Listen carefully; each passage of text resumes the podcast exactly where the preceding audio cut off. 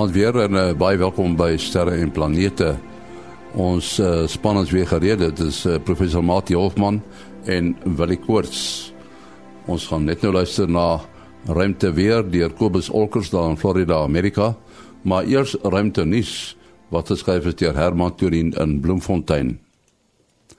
Nuwe navorsing deur NASA se Mars Reconnaissance Orbiter het aan die lig gebring dat waterys onder die oppervlak van die rooi planeet tot 90 meter dik is. Die tuig het hom nou toegespits op verskeie areas waar eskarpe of steil hellings die vertikale kante van die yslaag blootgestel het. So kon die instrumente van die sykant of vertikaal in die ys inkyk en vasstel dat dit verbasend skoon is. Horisontale studies bring net beperkte inligting aan die lig. Benewens die beskikbaarheid van water vir toekomstige bemande sendinge na Mars, is waterys of plekke soos by die poolgebiede op aarde waardevolle bronne van inligting oor die aarde lank gelede. Dit werk byna soos 'n boom se jaarringe en elke jaar is afsonderlik in die ys afgemerk en bepaalde kenmerke vasgevang. Die wetenskaplikes glo dat dieselfde tegniek gebruik kan word om veel van Mars se geskiedenis te wete te kom. Drie meteoriete het pas die nuus gehaal oor hulle uniekheid en grondige studies wat daarop gedoen is. By die een van die meteoriete was 'n span Suid-Afrikaners betrokke. Die Hypatia is naby Alexandrië in Egipte gevind en professor Jan Kramers en sy span van die Universiteit van Johannesburg is 'n aantal jare al met die bestudering van die unieke steen betrokke. Hulle het reeds in 2013 bevestig dat die steen beslis nie van die aarde afkomstig is nie. Gevorderde studies op die steen het aan die lig gebring dat die chemiese samestelling elemente bevat wat nie op die aarde of in enige ander meteoriet of komeet gevind is nie. Die unieke minerale moes in bitterkoue toestande gevorm het wat verder van die son af is as die meteorietgordel tussen Mars en Jupiter. Dit bevat ook bitter klein diamantjies wat waarskynlik gevorm het toe 'n groter steen die aarde getref het en met 'n skok-effek aan kleiner stukkies in die atmosfeer opgebreek het. Die ander twee meteoriete het in 1989 op die aarde geval. Die een in Texas in die VSA en die ander maande later in Marokko. Hulle het gebleik heelwat ooreenkomste te hê, maar wat ook uniek onder meteoriete en komete te wees. Nuwe studies het getoon dat hulle van 'n waterryke bevrore wêreld moet kom, maar meer uniek nog is dat dit oor alle organiese elemente vir die vorming van lewe beskik. In teorie kon hierdie meteoriete en ander soos hulle miljoene jare deur die sonnestelsel beweeg en die saad van lewe op lewensvatbare planete soos die aarde saai waar meer komplekse lewe dan kon ontwikkel. Tot sover dan ruimtenis wat geskryf is deur Herman Turin in Bloemfontein. En nou praat ons met Kobus Olkers in Florida, Amerika vir ruimte weer. Ja, ons het hierdie week weer 'n dingetjie of twee aan die gang op die son. Uh, maar dit is dit gaan 'n baie kort voorspellingkie wees vandag. Ons eerste ding waarvan ons moet weet is 'n koronagat wat nou uh, sedert gister uh geo-effektief is. Die eerste hoëspoed sonwindpartikels het van wat uit hierdie koronagat uitgeblaas word, het gister hier aangekom uh in die omgewing van die aarde en ons sien reeds auroras by die noord en die suidpool. Uh maar dit gaan vir ons ons ons ons daaglikse gebruik van internet en GPS glad geen verskil maak nie. Dan enige uh, magnetiese areas op die son is daar net enetjie uh, 'n pragtige klein dipooltjie wat nou ook pragtig mooi geo-effektief is, maar die kans dat hy kan uitbars is omtrent 0 want hy is baie goed gerangskik. Daar's geen kompleksiteit aan hom nie. Hy het 'n mooi uh, suidpooltjie aan sy bokant en 'n noordpooltjie aan sy onderkant en hy lyk goed. Dan het ons ook 'n uh, paar filamente natuurlik weer aan die bokant van die van hierdie korona gat lyk my sit daar 'n redelike lang een, hy seker so by 300 000 km in in lengte. Uh, maar hy lyk vir my uh, baie stabiel. Ek glo nie hy gaan hoegenaamd uh, val of of uh, losbreek as 'n uitbarsting nie. Daar is nog eenetjie wat nou pragtig mooi op die rand van die son sigbaar is as 'n prominensie. Uh weer eens baie stabiel. En dit is dan ons storie vir hierdie week. Dankie Kobus Olkers in Florida, Amerika. Uh, ons staan so aan die begin van die jaar uh, 2018 en uh, as jy mens Martin net so bietjie dink aan wat voor lê, al die verskillende aktiwiteite wat uh, voor lê wat die ruimte betref, dan staan mense eintlik verstom, nê? Nee. Uh, ja, nee, ek het nou uh, probeer absorbeer, uh, maar ek kan uit uh, al die sendings wat gaan gebeur kon ek maar net 'n geheel beeld probeer kry uh, sonder om hou vas op individuele sendings in 'n groot mate te kan kan kry. Uh, net om 'n vinnige idee te gee ek, ek sien dat uh, China alleen beplan 40 lanserings. Nou 'n groot deel daarvan is uh waarskynlik nou maar om satelliete om die aarde te te ontplooi. Uh maar hulle het dan nou sendinge na Mars met 'n landers wat op Mars kom. So China het groot aktiwiteit, maar as mens dan nou na Amerika en die Europese ruimteagentskappe uh en die uh die internasionale ruimtestasie kry dit op sigself is 'n is 'n groot aantal uh sendinge ek sien hulle voorsien dan 3 uh sendings na die maan en dan Mars en Mercurius het elkeen 'n uh, 'n sending wat na hulle onderneem word. Dan is daar uh die luisteraars sal waarskynlik onthou van die New Horizons sendings vir die vir die verste ontmoeting met 'n sonnestelsel voorwerp nog met die in die Kuiperbelt. So dis 'n voorwerp wat nog net 'n spikkeltjie lig uh, op die fotos is. Uh, dit gaan net net 2018 haal op 31 uh, Desember. Uh, dink daar's iets so 6 sendings, 6 uh, bemannings wat na die ruimtestasie uh, gestuur word. Ehm um, en dan weet dan is daar SpaceX met 'n paar uh, uh nuwe ontwikkelinge. Uh so dit is nou net 'n paar wat ek so vinnig hierso kan kan uh, uithaal. Ja, baie interessante een. Uh uh wat wat wat kom in die jaar is uh, wat iets nuuts is die Parker Solar Probe. Nou Parker was 'n uh, Eugene Parker was 'n beroemde uh, sonfisikus wat hierdie uh uh sending gaan deur die son se korona so baie naby aan die uh, son verbyvlieg om om uh, fisies te gaan kyk presies wat daar in die met sy uh, instrumente wat daar in die uh, son se korona aan die gang is. Dit kan natuurlik van 'n afstand af ook dopgehou word maar dit is altyd die beste om uh, dit wat jou modelle sê of wat jy van ver af reken jy sien te gaan uh, toets teenoor wat jy werklik in die uh, stelsel self waarneem Ja, ek dink ons sal seker lekker met Kobus uh Olkers ook nog daaroor kan gesels. Jy het nou gepraat van China wat nou so aktief begin raak. Uh ek sien dat uh, China sê dat hy eintlik nog volle beheer het oor uh Tiangong 1 en uh, dat hy self sal besluit wanneer hy die uh, die tuig uh, gaan terug by aarde toe. wat mense net dan dink dat China begin 'n al groter rol speel nê. Be, bepaal, dit is seker vir hulle strategies belangrik en natuurlik vir die vir die aansien van die van die land. Dit is nou mos ook maar so in internasionale uh, politiek. Daar is baie prestige daaraan aan verbonde en ons moenie van die van Indië vergeet nie. Hulle het nou nie so 'n groot volume sendings nie, maar uh kom ons dink nou byvoorbeeld aan aan die wat hulle vir die jaar beplan is die Chandrayaan 2 koop my uitspraak is naby aan wat dit moet wees ehm uh, met 'n lander wat op die uh, en 'n rover 'n uh, robotiese tuig wat op die maan geland wat baie meer ambisieus is uh, blykbaar as die die eerste Chandrayaan uh, uh sending. So uh, Indië beskik ook oor noemenswaardige kundigheid uh en hulle kan weet groot tye die die ruimte instuur. So lander is nie baie klein nie, so jy het 'n groot vuurpyl nodig.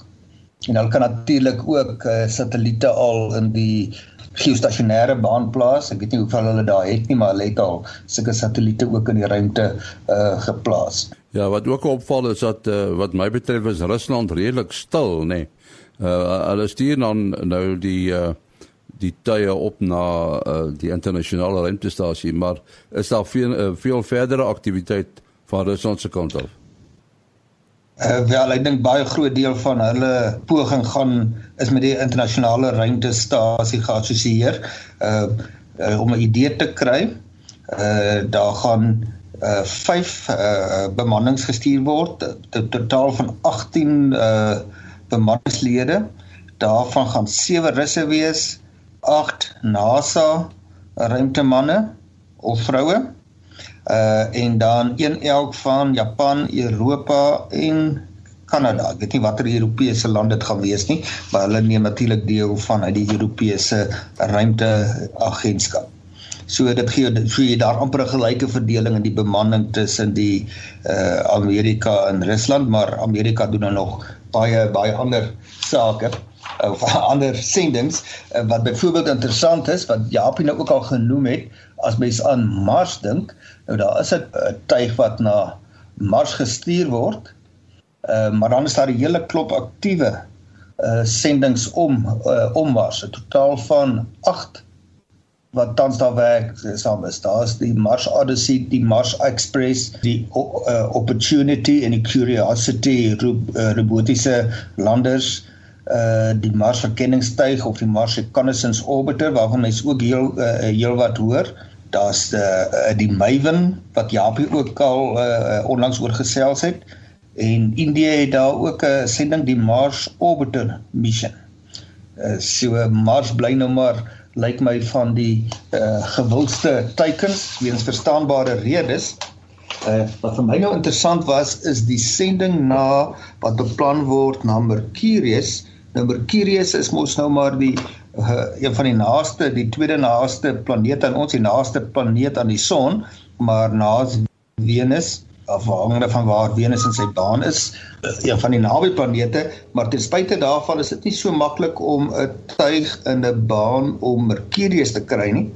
En hulle het eh, 'n tuig wat hulle gaan stuur en dit gaan enkele jare vat voor hy nou in die regte baan om die son is, want uh, hulle moet met die die weet van Venus se effek gebruik maak om sy naaste punt aan die son geleidelik uh of die laaste punt aan uh, Mercurius geleidelik te verander weet dit help nie hy skiet net verby die son of hy voeter in die son in nie maar uh, Mercurius lyk my gee vir die ouens wat die baanberekeninge moet doen nogal uh, nogal hoofberekeninge Ja, ehm um, jy weet almal en jy het gesê uh, Matie dat uh, almal is 'n bietjie behep met Mars op die oomblik. Ons maan die word nie eintlik op die oomblik uh, meer veel gedoen nie. Ek ek weet nie van tye wat daar rondry nie.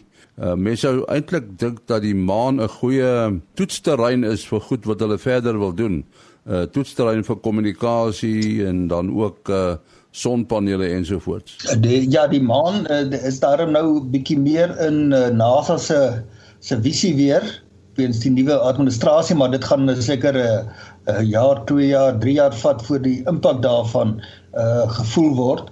Uh so op die stadium is dit nou Indië en uh China wat die prominentste uh aktiwiteit op die maan het met uh landers daar die die die, die ek het nou die Chandrayaan 2 genoem wat hulle wat hulle beplan en die Chinese het dan die uh Chang 4 missie wat sending wat hulle na uh in 'n baan om die uh, uh maan plaas. Of as ware op die Lagrange-punt, die maan-aarde Lagrange-punt. Ja, wil jy het nou eendag gepraat uh, op op die radio oor oor oor blou maan. Dis mos nou hierdie maand, 'n uh, blou maan maand. Maar dis nie die enigste hierdie jaar nie, nê? Ja, dis korrek. Die maan is omtrent blou vir jaar en hy's super en uh, dan uh, is hy nog uh ty maande het glad nie eers 'n volmaan nie. Ja, so die die 2 Januarie was dit mos nou volmaan en um en dan die die 31ste Januarie is dit alweer volmaan uh omdat die um periode van die maan is nou 29 en 'n half dae So uh, as jy dan nou baie vroeg in 'n lang maand soos Januarie wat 31 dae het, kan jy 'n tweede volmaan kry. Nou normaalweg ons ken ons nou die Engelse uitdrukking once in a blue moon en um dit is so ongeveer 3 jaar wat jy 'n blou maan kry. Nou die huidige uh definisie vir 'n blou maan is dan die vol, is dan die tweede volmaan in dieselfde kalendermaand. Nou interessant genoeg die as ek nou sê die huidige definisie dit was nie altyd so nie. Um baie vroeër jare hier uit die 1818s uh was daar die die Main Farmers Almanac in Amerika. Uh hulle was 'n baie gesogte uh publikasie blykbaar baie akkurate langtermyn weervoorspellings gehad. Ek hoop ons kan dit eintlik hier kry vir die Kaap weer deesdae. Uh lyk vir my akkuraatheid tussen 80 en 85% uh gewees. Um so ek weet nie of daar kennis weg is daar nie. Ons hoop ons hoop nie so nie. Maar onder andere het hulle dan uh die, die jaar ingedeel in 4 kwartaale en dan sal elke kwartaal uh of jy mos nou normaalweg 3 volmaane kry, gewoonlik 12 volmaane in 'n jaar. Um maar sekere jare wanneer jy dan 13 volmaane het, uh kry jy het hulle dan die uh 'n ekstra een per kwartaal. So hulle sal nog altyd die die derde of dan in die geval dan die vierde een sou hulle dan nog altyd uh normaalweg gelys het. So met dit so byvoorbeeld soos die vroegsomer of die midsomer of die of die laatsomermaan uh, gewees het as soos die jaar aangaan en dan hierdie ekstra derde een uh uh per of die, die, die ja die ekstra vierde een sal hulle nou derde gelys. Dit is bietjie vreeslik ingewikkeld mens kan verstaan hoekom daar 'n fout gekom het.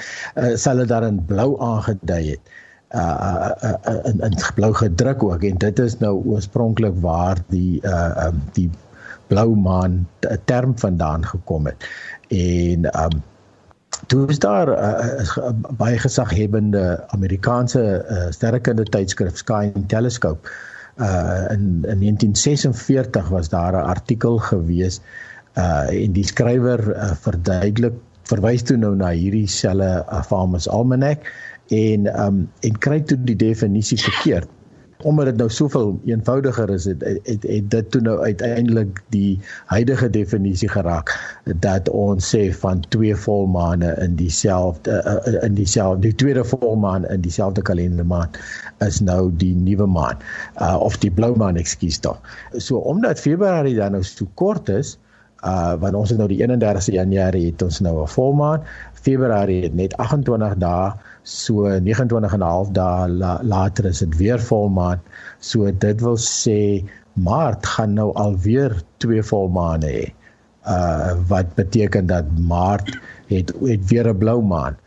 Uh daar was mos 'n ou sterrewiggelaar gewees, uh Richard Knoll, hy het hier in 1979 het hy 'n boek uitgebring en um hy het toe nou hierdie term geskep van supermaan en ehm uh, maar die definisie is maar baie arbitrair. Hy het nou net iets gesê van 80% van die gemiddelde afstand of as jy nader is dit is dan sit nou 'n supermaan. So glad nie 'n wetenskaplike definisie nie. En natuurlik sulke goeie skryp nou maar die media aan in die mense se verbeeldings en in in super is 'n wonderlike woord vir al hierdie goeie. So uh hy het nou hierdie uh soos ek sê volgens sy definisie is Januarie is is beide volmaande van Januarie en dan ook ehm um, nog die die eerste volmaan van ma van Maart gaan nou gaan nou ook 'n uh, supermaan status hê. Uh en uh, ja, so dit dis omtrent die maan dink ek het omtrent 'n 'n ehm um, persoonlikheidsprobleem hierso om te weet as hy nou blou is en nou vol is en nou super. ja, nou sou nog ouens wat na 'n black moon verwys omdat uh wanneer daar geen volmaan in Februarie is soos wat nou die geval gaan wees nie, maar daar is geen maan nie, so dit kan nie eers 'n black moon wees nie. Maar in elk geval hierdie name inspireer die fotograwe. Ons kan sien op ons Facebook bladsy hoeveel pragtige foto's word van die maan uh met 'n bepaalde weet agtergrond uh of horison. So dit is goed dat dit as dit die mense aktiveer om bietjie foto's te neem en bietjie te dink oor die saak ek probeer nou sekere getalle van my makliker maak om te onthou. So as ons aan die maan dink, uh dit so op 'n eerste mooi afgeronde getal kan ons sê hy's 400 000 km wat ook sommer 400 keer nader is as die son. Meer presies is die gemiddelde afstand na die maan 380 000 km en dan die naaste afstand is in die orde van uh, 300 en, net onder 360 000 km. Dit vlug dit varieer so bietjie hier bo in die 350 000 uh, duisende uh, maar net onder die 360 000 so dis uh, 20 000 km plus 'n bietjie nader as die gemiddeld en dan kan mens vir die simmetrie die verste afstand is dan weer uh, net oor die 20000 km verder as die gemiddelde afstand so net oor die 400000 km. So mens kan met die getalle 360000, 380000 en die 400000 km on, uh, onthou as mens nou dink aan naaste gemiddelde en verste afstande na die maan as jy nou praat van wanneer die maan dan die verste uh, van ons af is so die volmaan van die 26ste Augustus uh, uh gaan dan nou die verste van ons af wees so hy gaan die kleinste wees so uh, dit sal dan natuurlik bekend staan as die minimaan uh wat nou ook weer 'n nuwe 'n nuwe term is wat die mense hierso ingebring het. So as iemand dalk uh, foto's geneem het van die volmaan of van die 2de Januarie wat ons naaste of soos ons in sterrekundige terme sê ons perigeum maan is uh, uh, foto's geneem het en jy kan daai selfe kamera stellings gebruik vir die volmaan van 26 Augustus. Uh dan gaan jy nogal 'n verskil sien as jy die twee die twee foto's langs mekaar sit. Met die blote oog gaan jy dit gewoonlik nie sommer oplet nie. Uh dan is daar nog daai optiese illusie ook dat wanneer die maan naby die horison sit, dan lyk hy al groter um, en dan wag hy so eentjie dat hy end opgekom het en dan lyk hy skielik klein en dit is maar te doen met die feit hoe ons brein uh goeters met mekaar vergelyk. Um ek het nou die dag weer besef uh as jy sien een van hierdie uh windlaaiers, hierdie groot windturbines wat hulle gebruik deesdae wat krag opwek. Ehm um, as die windturbine daar staan dan lyk sy lemme normaal en jy jy kan sien die ding is groot of wat ook al maar gaan lê een van daai lemme op die grond neer dan kan jy nie glo hoe geweldig groot is daai is daai hoe lank is daai lem eintlik nie. En uh, mense misgis hulle baie maal met 'n boom ook. Jy jy sien 'n boom en jy's gewoond aan sy hoogte en saag hom af en hy lê op die grond dan kan jy nie glo hoe verskriklik lank lyk daai boom ewe skielik nie. So dit dit is dis net 'n manier hoe ons brein goeters met mekaar vergelyk wat uh, die volmaan uh of enige maan uh, wat die uit die aard van die saak um, na aan die horison lyk dit net skielik groter. Jy het nou nou ge, uh, verwys na die feit dat die maan relatief stil is in uh, uh, in die konteks van sonnestelsel verkenning. Maar ons moet nie vergeet van die Lunar Reconnaissance Orbiter van NASA nie, uh, die die verkenningstuig daar. Hy is al 'n hele rukkie in sy baan daar en hy het 'n baie interessante laabaan wat is al tussen 130 km bo die oppervlak en 60 km. En hy het al ongelooflike detail foto's van die maan se oppervlak teruggestuur. Uh sien ek hierso hy doen nogal uh, interessante waarnemings of hy poog om dit te doen uh, uh ons weet daar's nou redelik gereeld meteoor reëns wat ons op die aarde kan waarneem. Dit is nou mos maar wanneer die aarde deur 'n uh, gebied in sy baan beweeg wat dan heelwat ehm um, afval vanaf sê komete is. Nou die maan beweeg natuurlik om die aarde en saam met die aarde om die son, so die maan is uh, ook dan maar besig om deur daardie ehm um, gebied van ruimte afval te beweeg en wat die uh, Mars verkenningstuig dan probeer is om met sy instrumente te kyk of hy nie 'n uh, verryking van sekere materiaal in daardie omgewing in daai baie dun atmosfeer of dis seker baie naby aan 'n vakuum maar maar ten minste gasse en stof op te tel nie. So die maan is nou in 'n ag hierdie tuig is nou uh, in 'n gerieflike posisie daar uh en dit gee net 'n ander manier om te gaan kyk maar hoe lyk hierdie uh hierdie wolk van afval waarvan ons nou maar die effek by wyse van die meteore sien, die verskietende sterre. Ehm uh, maar uh, dit gee mens nou die jy sien dit nou maar net op een manier. Die aarde se atmosfeer is aan die een kant nuttig uh om dit sigbaar maak, aan die ander kant maak dit dit uh baie moeilik om dit op 'n ander manier waar te neem. Uh en dit is dan nou moontlik uh vanuit die baan daar rondom die maan.